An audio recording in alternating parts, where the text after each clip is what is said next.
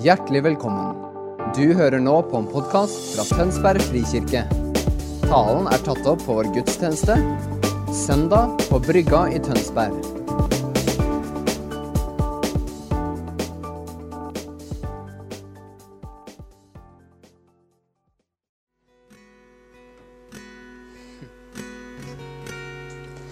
Hvis jeg starter med en liten fortelling Du kan Ja.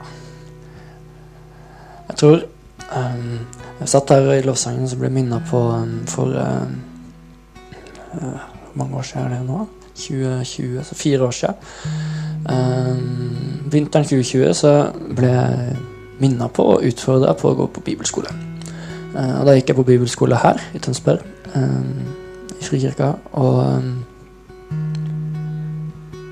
når jeg liksom opplevde at Gud talte meg at du, skal ikke du gå på bibelskole, så var mitt svar bare sånn jeg, på et ganske godt sted. Jeg hadde liksom jeg hadde gått ganske mange steg i tro. Hadde begynt å, jeg begynt å høre Guds stemme, hadde begynt å være med og lede en del lovsang, og så hadde jeg skjønt ok, Gud taler, så jeg kan faktisk dele profetiske ord. Og det er veldig mange ting som liksom løsna i livet mitt i det løpet av den vinteren. her, Og så fikk jeg den utfordringa og og sånn Men det, jeg trenger jo ikke det. Jeg kan jo følge etter Jesus uten å liksom Og så ble det utfordringa.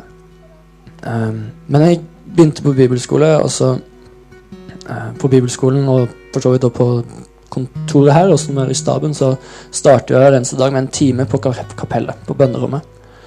Um, og da er vi bare i bønn. Litt sånn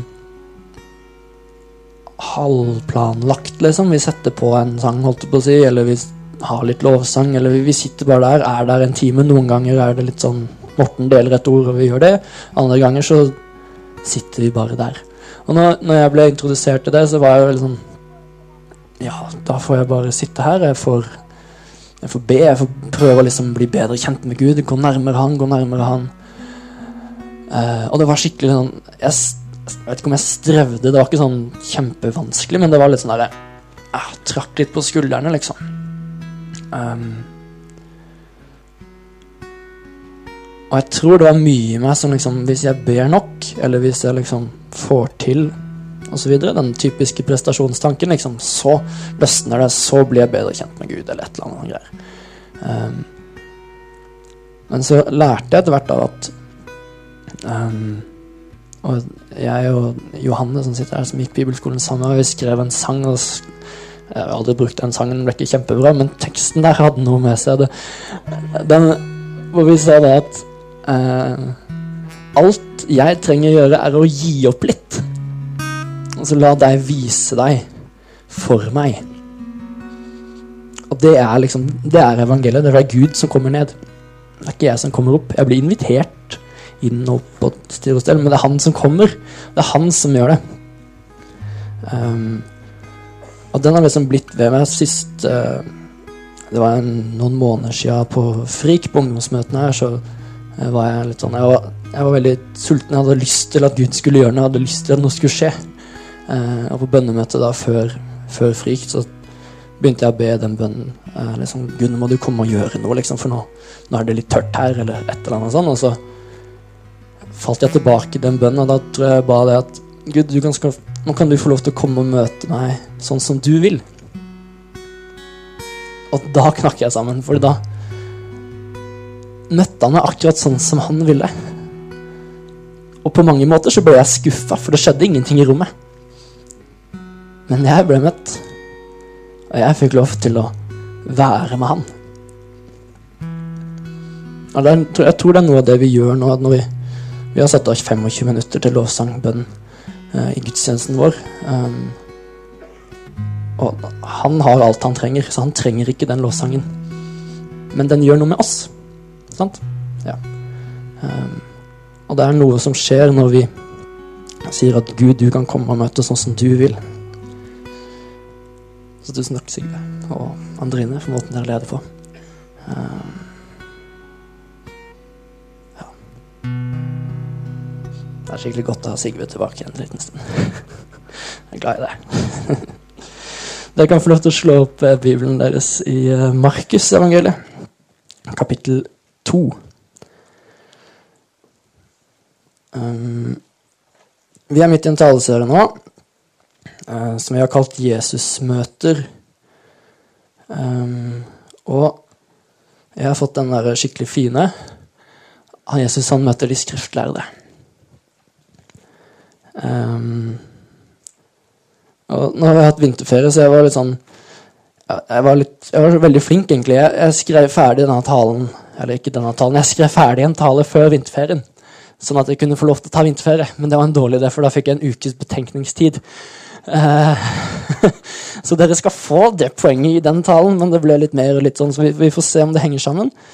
Uh, men vi er fortsatt i hvert fall i Markus kapittel 2, uh, eh, fra vers 23 og til kapittel 3, vers 6 eh, om Jesus og sabbaten.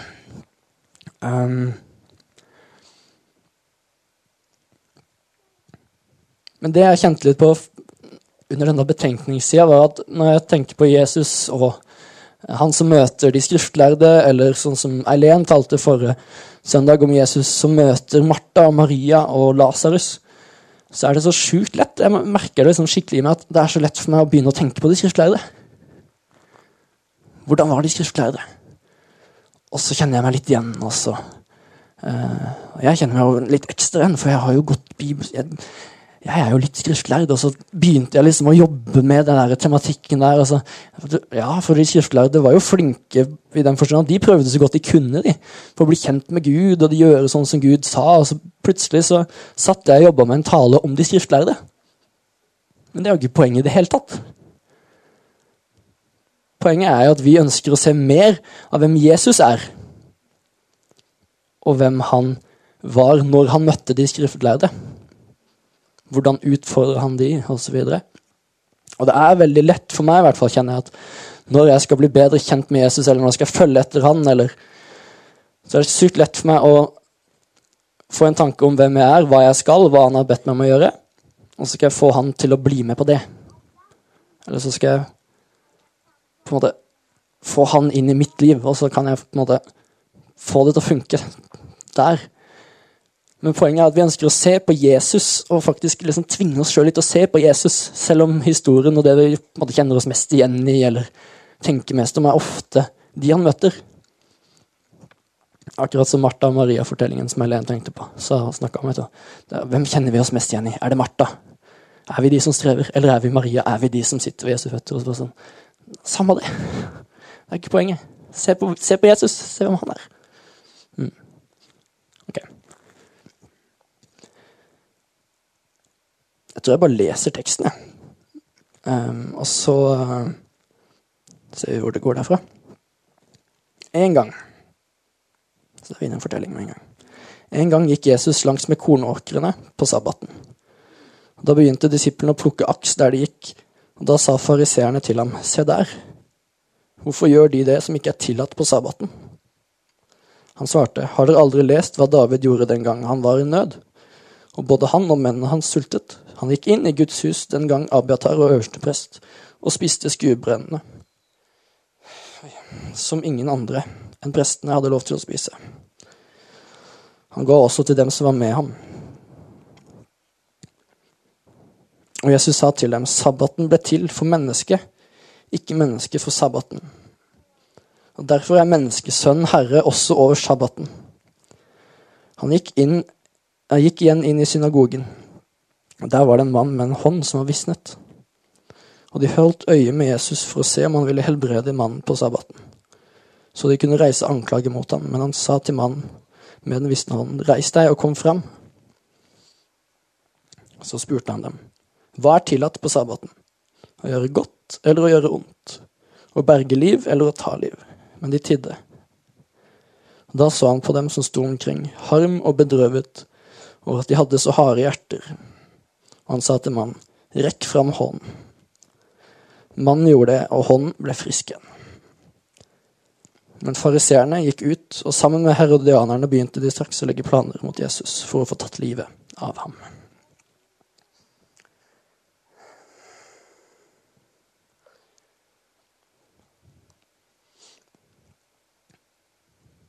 Når vi ser på Jesus som møter de skriftlærere, så har jeg lyst til å sette det opp i en sånn tredeling. Um, så tre på en måte seksjoner av hvem er Jesus i møte med de skriftlærde. Og det er det tre punkter, og det er Bibelen, det er læreren, og det er menneskesønnen. Det er mye som foregår i denne teksten. Vi har ikke tid til å se på alt. Men hvis jeg skal se på noe av det, det er tre hovedpoenger jeg har lyst til å legge ut for oss. Så det første er Bibelen. Eh, vi jobba faktisk med denne teksten på Disippel for to, to uker siden. Um, Disippel er samlingspunkt for unge voksne. Det ser veldig ut som huskirker. Vi spiser kveldsmat, og så um, hører, leser vi gjerne en tekst, eller noen deler et ord, og så ber vi og snakker sammen.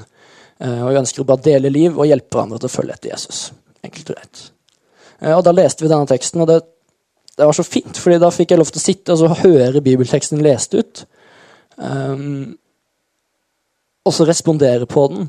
Snakke sammen med andre. Hva er det vi hører, hva er det som skjer i denne teksten? Uh, og så uh, leste vi den igjen, uh, og så lar vi teksten jobbe med oss. og jeg har lyst til å liksom løfte opp litt sånn, og kaste ut noen ting som skal få oss til å ha lyst til å bli bedre kjent med Jesus. Og det, på dette punktet her bli bedre kjent med Bibelen. Så nå, nå, nå, kommer den litt sånn tekniske, litt sånn kjedelige, men skikkelig bra biten. Eh, og det er Bibel. Bibel kommuniserer til oss. Det er Guds ord til oss. Og den kommuniserer til oss. Den er skrevet til noen andre for kjempelenge siden. Satt sammen av forfattere. Og så er det blitt til en samla bok og en samla fortelling som peker på Jesus, og den er for oss den er vår kilde, kanskje, den er vår viktigste kilde til teologi, sier vi. Okay? Uh, og Den kommuniserer på veldig mange forskjellige måter. og Et sånn kommunikasjonsverktøy som Bibelen bruker, som er veldig vanlig i hebraisk litteratur, veldig vanlig i Det gamle testamentet, og Markus, som har skrevet Markusevangeliet, han bruker det òg kjempemasse. Uh, og Det er noe vi kaller for kiastisk struktur. Noen som har hørt om det? Ah, ingen. Da må nesten alle gå bibelskole. Wow. Natalie har hørt om det fordi vi har snakka om det på bibelskolen. Oh, come on. Ja, men kiastisk struktur ja, Mitt dårlige forsøk på å forklare det, men kiastisk struktur det kommer fra bokstaven ki eh, på eh, gresk, som er et kryss. sant? Så det er et eller annet som møtes i midten. Eh, vi er vant til sånn enderim som blir A, B, A, B, A, B, A, B. Mens en kiastisk struktur den jobber A, B, C, B, A. Og så kan det gå dritlangt. Det kan gå helt til I og tilbake, liksom. Eh, eller det kan være bare A, B, B, A, ABBA. Sant? Um, og Bibelen bruker det her kjempemasse. Den bruker det i sånn miniatyrform i et enkelt vers. Og den bruker det i sånn storform i hele boka, liksom. Eh, Mosebøkene er kanskje det beste eksempelet på det tydeligste eksempelet, hvor det er fem bøker. Første, andre, tredje, fjerde, femte. Og Da er det en A, B, C, B, A. Og i midten, da har du Det er uh, Tredje Mosebok, den verste boka. Masse lover og ritualer og renselsesskikker og masse sært. Og hele den boka er bygd opp som en kiasme. Med en bitte liten ting i midten, i kapittel 16, og det er forsoningsdagen. Så hva handler Mosebøkene om?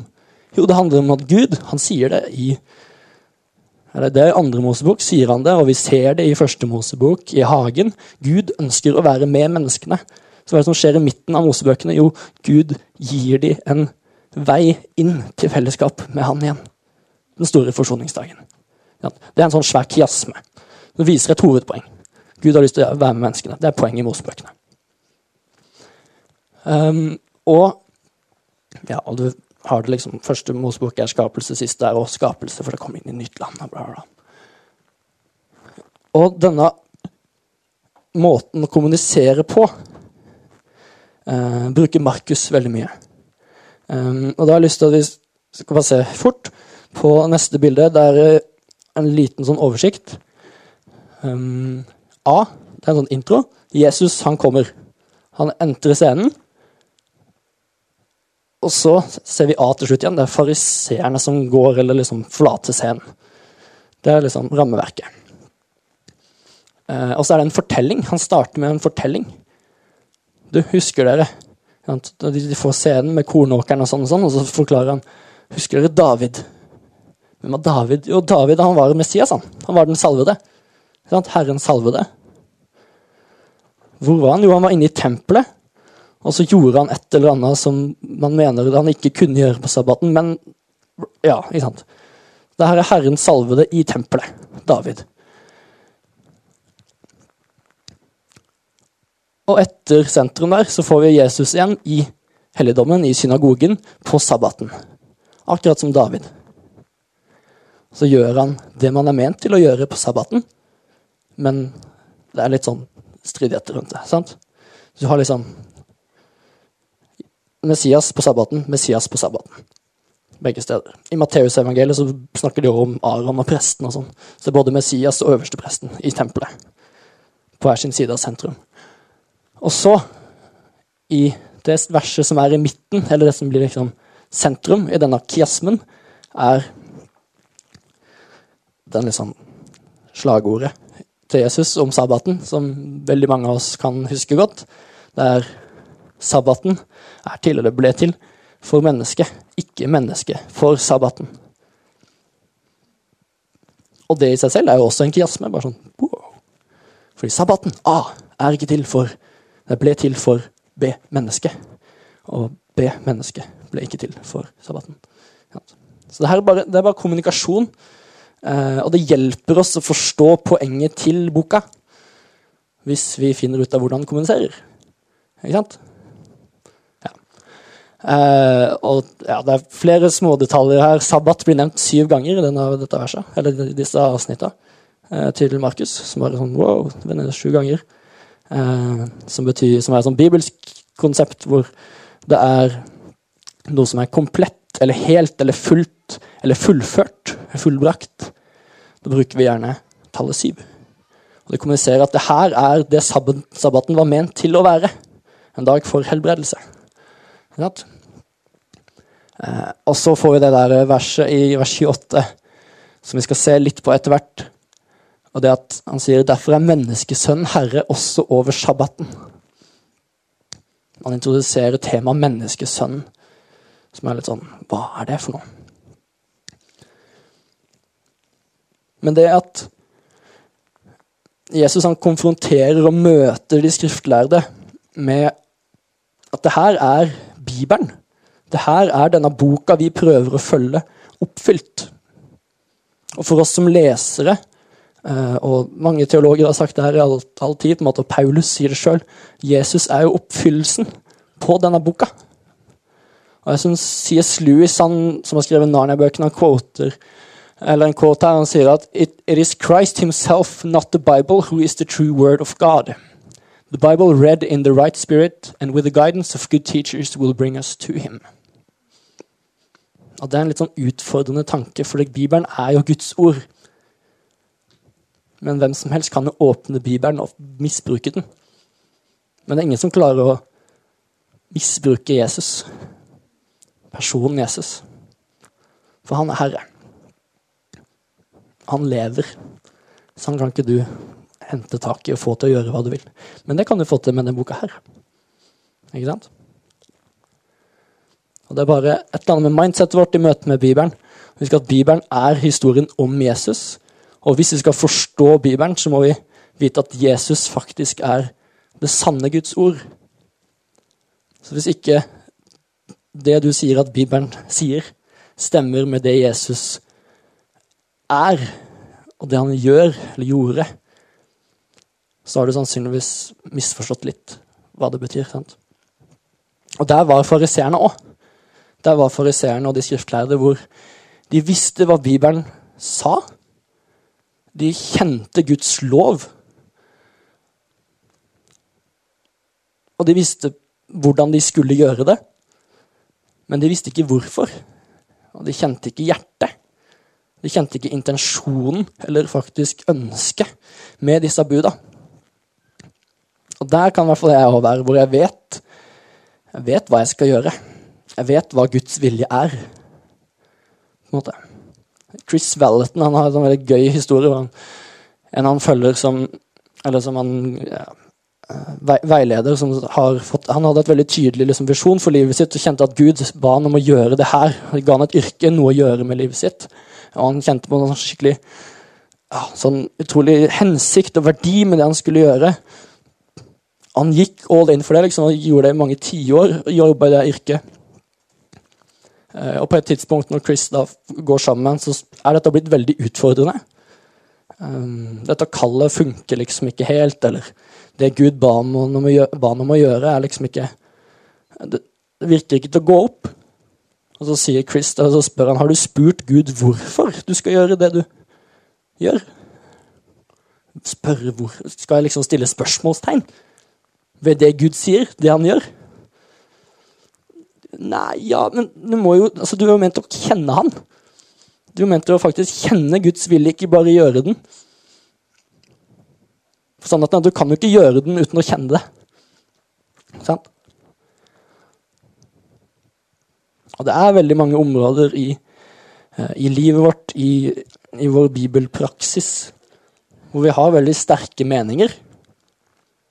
Og vi vet ikke nødvendigvis hvorfor, eller hva intensjonen er. Hvorfor skal det være sånn? Jeg sier ikke at det ikke skal være sånn, jeg bare har lyst til å vite hvorfor. Det, det må vi ta til oss, det må vi jobbe med.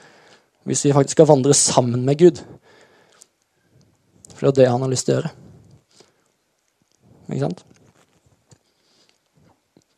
Det går på mange ting. Hvordan skal vi gjøre gudstjeneste? Hvordan skal vi gjøre sabbat, hviledag? For vi skal jo gjøre det. Jesus avvikler jo ikke sabbaten, han oppfyller den. Så det er jo et godt bud. Men hvordan skal vi gjøre det? Og hvorfor skal vi gjøre det? Og hva skal det se ut som for meg? Det er spørsmål vi må ta til oss og jobbe sammen med hverandre og med Gud om for å faktisk kunne kjenne Han og gjøre Hans vilje. Og Det går inn på flere andre ting.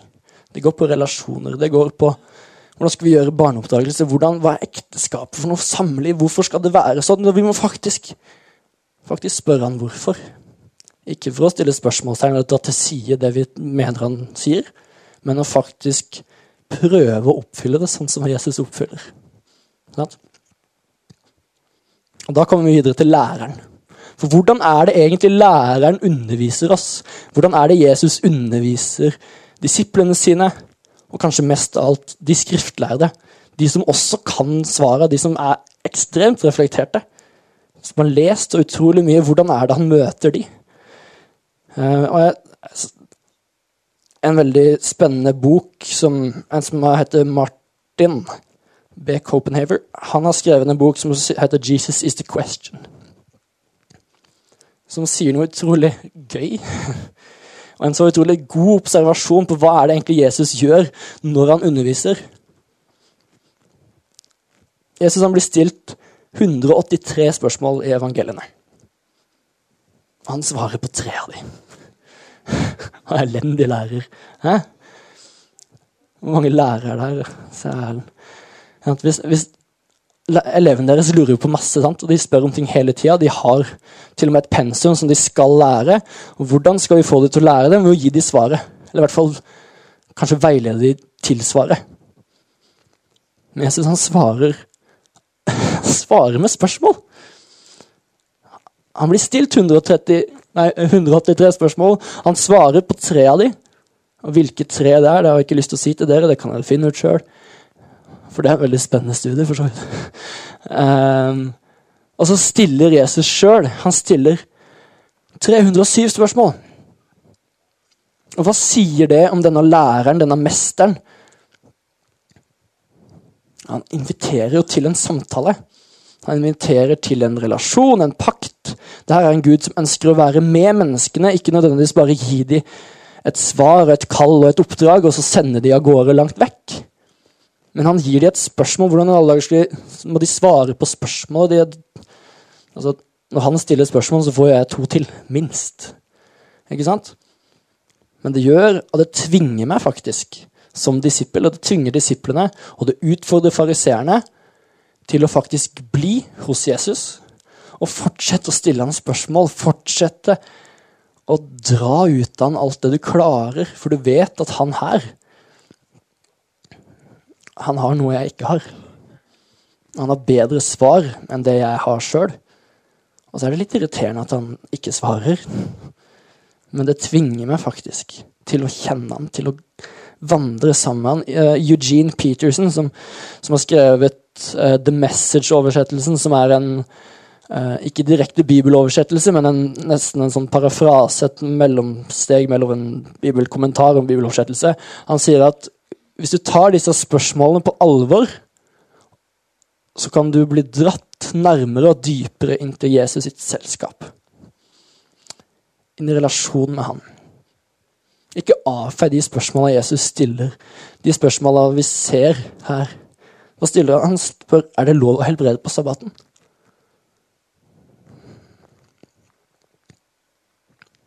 Fariseeren sitt svar er jo nei. Han kommer ikke med noen kontringsargument. Han bare spør de. Og Ofte så tror jeg Gud utfordrer vår virkelighetsforståelse. Han utfordrer min måte å tenke på og handle på, istedenfor å bare si 'du burde gjøre det'. Men han sier 'har du tenkt på hva som skjer når du gjør det'? Hvordan var det egentlig jeg gjorde det du nå gjør? Eller hva står det i Jesaja om det her? Hva står det om faste, om det å tilbe i Jesaja? Jo, men det er jo faktisk det her, står det i Jesaja. Han leder meg inn til et svar, istedenfor å bare gi meg et svar. Og det er en viktig forskjell. Eh, og så er det bare Det kunne vært en hel tale, men eh, Jesus spør et utrolig viktig spørsmål som i alle de synoptiske evangeliene, Matteus, Markus og Lukas, er vendepunktet i hele fortellingen i de, disse evangelietekstene. Disse evangeliene fungerer litt sånn geografisk, hvor Jesus og disiplene holder på å gjøre sin greie, eh, underviser, helbreder, gjør sin tjeneste oppe i Galilea, nord i Israel. Og etter hvert så kommer de helt, helt, helt nord i Israel. Og så stiller Jesus disiplene dette spørsmålet. Hvem sier dere at jeg er? Når de svarer på det spørsmålet, hva sier Peter da? Peter sier, 'Du er Messias'. Du er kongen, frelseren, og du er Guds sønn. Og når de svarer på det spørsmålet, da går reisen bare én vei. Da går han hele veien fra nord og helt ned inn i Jerusalem. Og helt opp på korset. Og Det er en intensjonell måte å fortelle at Jesus sitt oppdrag det, det er ikke avhengig av disiplene sine svar eller sine, sin tro, eller noe som helst, men han ønsker å ha dem med hele veien på grunnlaget av den ene statementen. liksom. Du er Messias, du er Guds sønn. Ja, det er helt sant. Da, kan jeg faktisk, da kommer jeg til å gjøre det jeg har tenkt å gjøre nå. Altså så vil jeg bare si at det er Om det er ett spørsmål som kanskje blir viktig for oss å stille han, så er det akkurat det samme. Hvem sier du, Gud, at jeg er? Da begynner vi å snakke. Da begynner det å skje ting. Siste punkt er menneskesønnen. Eh, jeg fant ut at jeg er nødt til å snakke mer om menneskesønnen en annen gang. Eh, fordi menneskesønnen er eh, et sånn vanskelig en sånn vanskelig tittel, et sånn vanskelig navn. Uh, og så er det den tittelen som Jesus bruker aller mest om seg selv. Alle andre kaller Jesus for uh, rabbi, lærer eller aller mest Kristus eller Messias, konge. Men selv så sier Jesus hele tida at han er menneskesønn. Da må vi spørre oss hvem er menneskesønnen? Hvor finner vi han, og hva er det for noe? Uh, og da er vi i Daniels bok. Og midt i Daniel sine syner. Uh, og uten å legge ut alt det det innebærer, så vil jeg bare si at her så ser vi en menneskeskikkelse som kommer på himmelens skyer. Han går bort til den som er gammel av dager, bort til Gud, til Faderen. Og så får han herskermakt. Han blir satt på tronen. Han får all makt i himmel og på jord.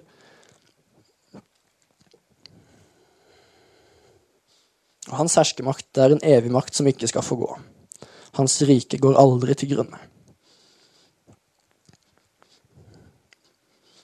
Det er den Jesus sier at han er.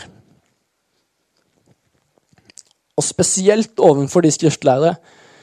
Vi ser i Matteus evangeliet, mot, mot, slutten av evangeliet, når han kommer til Jerusalem, så møter han øverstepresten, han møter de skriftlærde, han møter fariseerne, alle sammen i, i Jerusalem, og så stiller han masse spørsmål. Han svarer ikke på noe av de heller, for så vidt. eh, og så eh, ja, Jeg skulle hatt det oppe, vet du. Det ligger langt, litt for langt bak i huet mitt. Men han sier noe sånn som at du skal få se menneskesønnen stige ned eller opp. Eh, eller noe sånn, Og så noe herlighet og sånne greier. Og når han sier det, da klikker øverstepresten i vinkel. Da Da river han i stykker klærne sine og sier 'Nå har du spottet Gud'. Det her går ikke an. Og så korsfester du ham. Hvorfor sier han det? Jo, fordi denne menneskesønnen Denne menneskesønnen er en figur som ikke nødvendigvis er ment til å si at nå er det Gud som kommer ned, og Gud som fikser greia. Men det er faktisk mennesket som lever opp til sitt potensial. Menneskesønnen er den som er lik, en, lik et menneske. Mennesket er helt fra begynnelsen av ment til å bære en slags autoritet og en slags makt som skal råde over alt i skapelsen. Alt det skapte skal legges under dere, sier Gud til Adam og Eva i hagen. liksom. Si det igjen. Og så går den historien veldig komplisert veldig langt ned. Og så kommer det en som lever opp til det potensialet Uh, og da er vi liksom i, i, sentrum av inkarnasjonen og alle de kompliserte tinga rundt hvem Jesus er.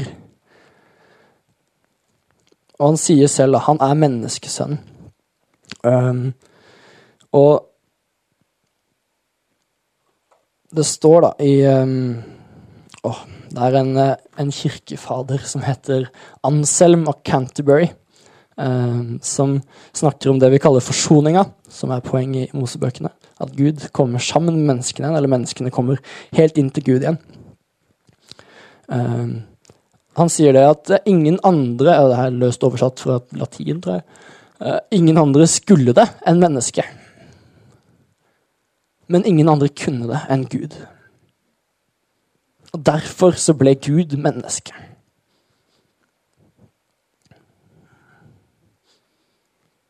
Det er ingen andre som får det til enn Gud. Det er kun han som kan frelse. Det er kun han som kan oppfylle denne boka her. Og få disse løftene til å gå opp, liksom. Men det har seg sånn at helt fra begynnelsen så var det ment at mennesket skulle gjøre det. Mennesket skulle gjøre det sammen med han. Og det sier en del om hva vi er kalt til å gjøre. Og det sier en del om hva vi får til og ikke får til. Og Vi skal snakke litt mer om det her når vi kommer til en av søndagene hvor vi skal snakke om Jesus som møter kirken. Sånn i en bred term. Fordi det, det Jesus gjør, den han er, er oppfyllelsen av det mennesket er ment til å være.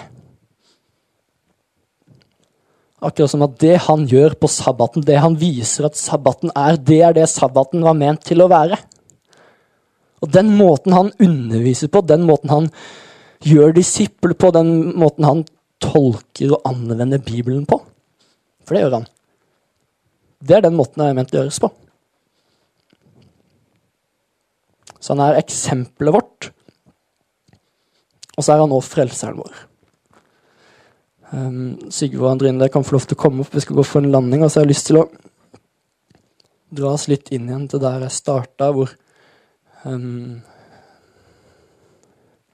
Jeg hadde den erfaringa at jeg hadde veldig lyst. uh, og jeg var, jeg var, på et veldig godt sted. Um, og jeg var i gang med å følge etter Jesus og bli med på det han hadde for livet mitt. Men jeg strevde, og det føltes ikke som det gikk an. Fordi jeg visste jo hva det skulle være, hva det skulle se ut som. Jeg skulle høre hans stemme og så dele det videre. Eller jeg skulle um, ta vare på de som trenger det. Jeg skulle møte de som, som var såra. Jeg skulle tilgi. og Jeg visste hva jeg skulle gjøre, men jeg mangla en del svar, eller et sånn hvorfor og hvordan, og på hvilken måte skal det se ut som for meg. Og så kom jeg fram til at jeg må gi opp litt. Og det leda meg inn i det som Paulus snakker om, som er livet i ånden. At det som Jesus og viser Getsemane, han sier at Vet du hva, jeg har ikke lyst til det her, men jeg vet at det er det det er. Men så Ikke din vilje, men Nei, ikke min vilje, men din. Sant? For det er, lett for oss å vite hva som er rett. Men eneste måten vi klarer å gjøre det på, er å faktisk slippe litt tak. Og la Den hellige ånd, la Gud jobbe i oss og gjennom oss. Jeg har lyst til å gi en sånn utfordring når vi kommer til å ha forbønn nå eh, etter talen eller under lovsangen og etter hvert, og utfordre litt på Ja, be om hjelp. Og når vi ber om hjelp hos hverandre når det gjelder forbønn, så er det ikke nødvendigvis bare at jeg spør Frida om hjelp, men jeg spør om Frida, kan du hjelpe meg om å be han om hjelp? Og det her har ikke noe med suksess eller hva, hvor flinke vi er, eller hvor mye av det som Gud har for livet mitt jeg er med på, men det er for å faktisk erkjenne at det er veldig mye mer. Er veldig mye mer i Kristus enn det jeg klarer å ta inn over meg akkurat nå, eller være med på akkurat nå. Og når jeg sier ja til hans vilje, eller når jeg sier hvis Hvis jeg bare gir opp litt nå, og du kan ta mer plass, så kommer det til å skje mer. Så jeg har lyst til at uh, vi kan, vi kan reise oss, og så skal vi lovsynge litt, og så står det en utfordring og invitasjon til å bli bedt for til å spørre han om hjelp. Og så har jeg lyst til å be en bønn for, for oss.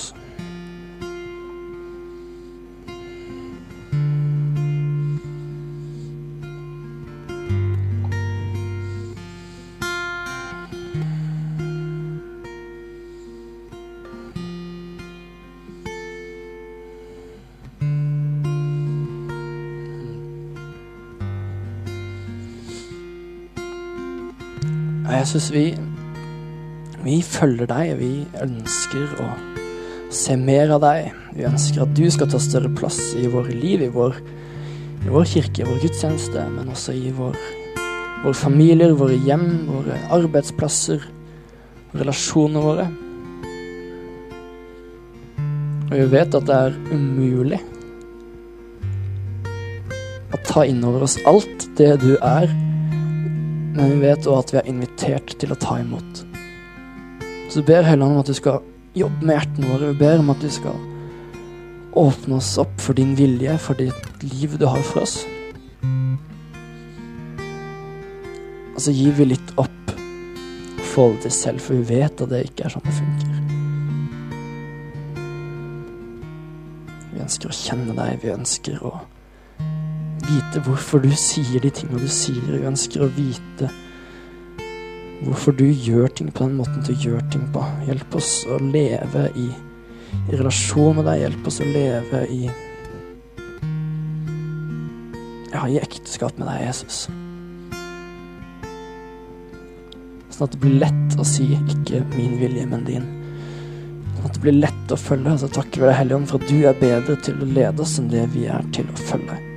At vi kan stole på deg, at dette skjer i tro, i tillit, og ikke i å ta sammen eller i å ta tak eller legge oss flate, liksom. Men det er du som gjør det. Så må du komme med din vilje og ditt rike. I Jesu navn. Amen.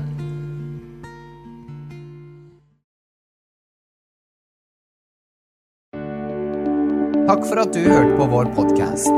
Har du spørsmål eller ønsker du å vite mer? Søk oss på vår nettside tonsbergfrikirke.no. Du er også velkommen til kirke på Brygga i Tønsberg.